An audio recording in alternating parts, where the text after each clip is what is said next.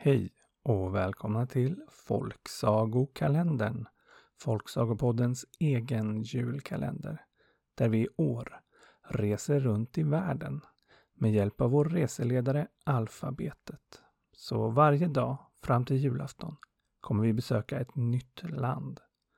Och igår var vi i Armenien eftersom bokstaven var A. Och idag är bokstaven B. Och vi lämnar Asien där Armenien ligger och beger oss till Sydamerika och Brasilien.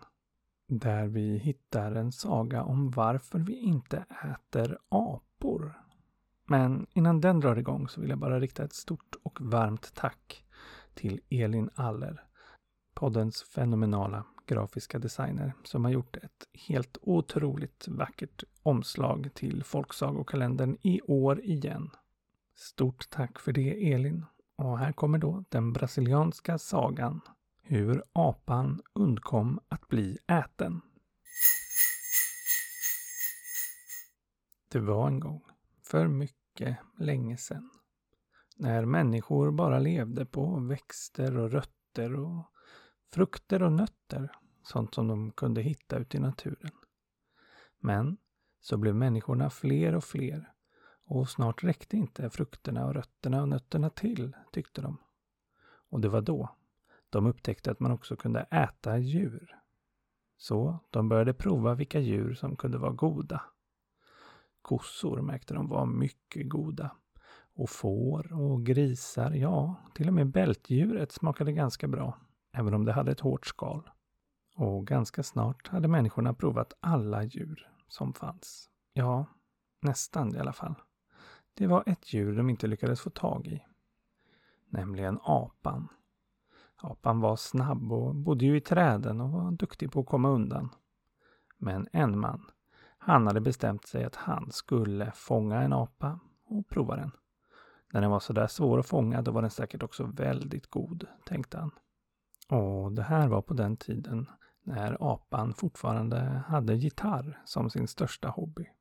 Ja, ofta kunde man höra apan spela gitarr ute i djungeln. Så mannen behövde helt enkelt bara vänta tills han hörde gitarrspel utifrån ett träd. Spelade apan. Och mannen smög sig långsamt fram mot trädet där apan låg och jammade med sin gitarr. Och han var nästan så nära att han skulle kunna greppa tag i apan och dra med honom hem och koka honom. Men då märkte apan honom och hoppade snabbt högre upp i trädet. Vad håller du på med? frågade apan.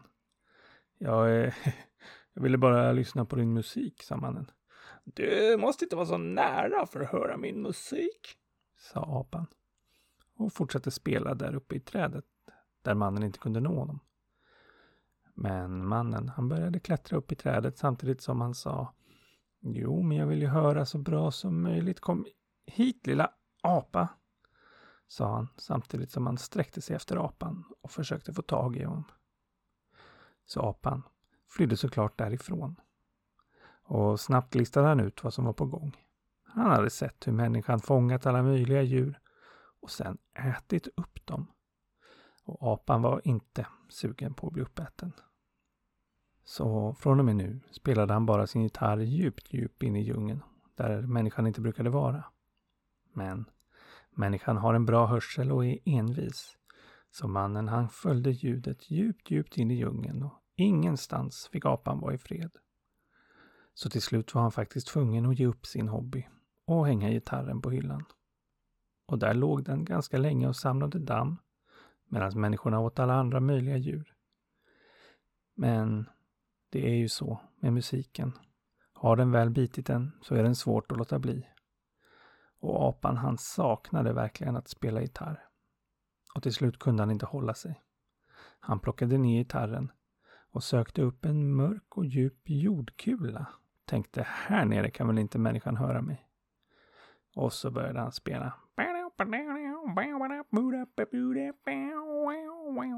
Ja, vilken lycka det var att få spela gitarr. Äntligen igen. Och här borde han ju kunna få vara i fred, tänkte han. Men människan har väldigt bra hörsel. Och mannen han hörde gitarrtonerna och han följde dem tills han kom fram till öppningen vid jordkulan. Men han var för stor för att ta sig in där. Men han ropade in i hålan. Kom ut apan och spela så hör jag dig bättre. Men apan han förstod vad som var på gång. Så han stannade kvar där inne i kulan. Men nu hade han ett problem. Han kunde inte ta sig ut därifrån utan att människan skulle kunna ta honom. Och mannen, han verkade inte vilja gå någonstans. Men apan kom på ett bra trick. Först spelade han sina allra mest fartiga låtar som han inte kunde låta bli att dansa till. Och mannen, han dansade och dansade tills han var alldeles svettig. Och när han dansat en stund spelade apan sina allra sorgligaste låtar. Som han inte kunde låta bli att gråta en skvätt till. Och mannen grät. Och när apan spelat om, ja, då var ju mannen alldeles uttorkad av allt svettande och gråtande. Och han blev så törstig att han förstod att han var tvungen att gå. Apans plan verkade ha fungerat, för han hörde mannen gå därifrån. Och han började sakta smyga sig ut. Men precis när han kom till öppningen fick han se mannens son stå där och vakta. Apan var smart, men mannen var visst lika smart han. Han hade hämtat sin son och fått honom att vakta medan han hade gått iväg för att dricka. Och apan fick krypa in igen och gömma sig. Och där satt han nu, tyst och funderade. Hur skulle han ta sig ur det här? Men så plötsligt ropade någon in i jordhålan. Apan! Ska du inte spela mer? Det var pojken. Nej, sa apan. Men, sa han, för nu hade han kommit på en plan. Du kanske vill se apan dansa? Ja, ropade pojken. För apors dans, det var den bästa dansen. Ja, du får titta djupt in i jordhålan. Så djupt du ser så får du se apan dansa, sa han. Och så såg han hur pojken sträckte in sitt huvud. Och då fyllde apan sin hand med damm och grus från marken i jordhålan och kastade den rakt i ögonen på pojken. Som förstås kastade sig bakåt och försökte få bort det. Han såg ingenting. Och då kunde apan klättra ut ur hålan snabbt och upp, upp i träden och iväg. Så när pojkens pappa kom tillbaks lite senare, nu med törsten släckt, så var apan borta och pojken ledsen för han hade grus i ögonen. Och efter det så fick ju apan på riktigt lägga sin gitarr på hyllan och aldrig plocka upp den igen. Och han blev mycket försiktigare. För mannen hade inte på något sätt gett upp sina försök att fånga apan, utan tvärtom blivit mycket mera ihärdig och han sågs hela tiden smyga runt i djungeln just där apan brukade vara. Men trots att apan var så försiktig så kom det sig så att en dag när apan låg och tog en liten tupplur så snubblade mannen rakt över honom.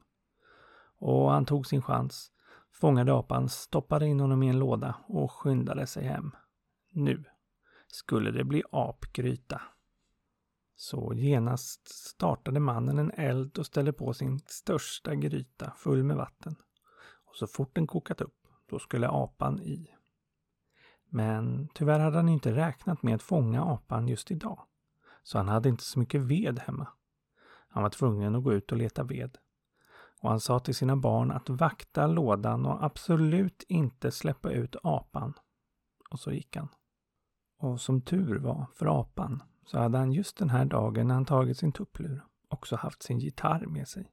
Ja, kanske var han på väg för att sälja den eller skulle lägga den i ett förråd eller något, inte vet jag. Men den var i alla fall med han där inne i lådan. Och nu började han spela på den. Och när han började spela så kom barnen nyfiket fram till lådan. Barn, är ni? frågade apan. Ja, sa barnen. Vill ni inte se apan dansa lite till den här musiken? Frågade apan. Och det ville barnen förstås.